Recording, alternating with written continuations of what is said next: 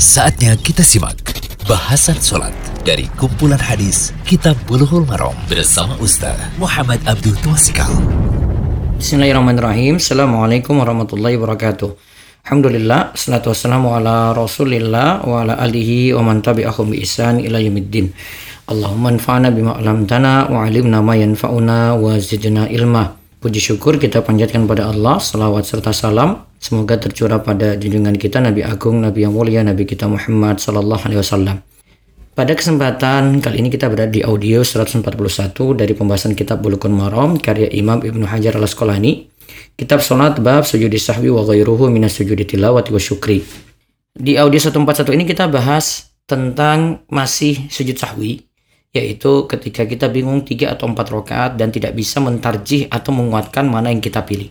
Hadisnya dari Abu Sa'id Al-Khudri radhiyallahu anhu, qala qala Rasulullah sallallahu alaihi wasallam, "Idza syakka ahadukum fi salatihi falam yadri kam shalla asalasan aw am arba'an, falyatrahi syakka wal yabni ala ma yastayqana." Thumma yasjud sajadataini qabla ayusallima. Fa in kana shalla khamsan syafa'na lahu salatahu wa in kana shalla tamaman kanata targiman lisyaitan. Rawahu Muslimun. Dari Abu Sa'id Al-Khudri radhiyallahu anhu ia berkata bahwa Rasulullah sallallahu alaihi wasallam bersabda, apabila seorang di antara kalian ragu dalam salat, ia tidak mengetahui apakah telah salat tiga atau empat rakaat, maka hendaknya ia meninggalkan keraguan dan memantapkan apa yang ia yakini.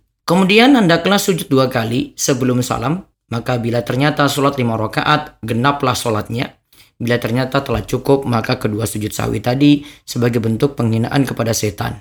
Hadis ini riwayat Muslim.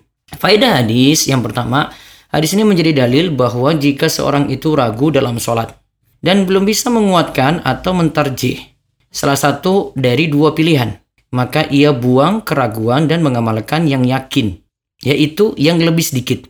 Ya, dia tidak bisa menguatkan ini ya, belum bisa menguatkan ini tiga atau empat, maka dia pilih yang sedikit. Ia lantas menyempurnakan sholatnya, lalu melakukan sujud sahwi sebelum salam. Lalu salam. Inilah pendapat dari jumlah ulama. Misalnya, jika ada yang ragu apakah ia sudah sholat dua atau tiga rakaat, lantas ia tidak bisa menguatkan, tidak bisa mentarjih salah satunya, maka ia pilih yang paling sedikit yaitu dua rakaat. Lalu ia sempurnakan sholatnya, lantas melakukan sujud sahwi sebelum salam. Terus faedah hadis yang kedua, jika kenyataannya yang sholat itu melakukan lima rakaat, kok akhirnya dia melakukan lima rakaat, maka dua kali sujud itu untuk sujud sahwi bertujuan untuk menggenapkan sholatnya. Maka dua kali sujud itu bertujuan untuk menggenapkan sholatnya. Karena yang dituntut dalam sholat zuhur, asar, dan isya adalah genap.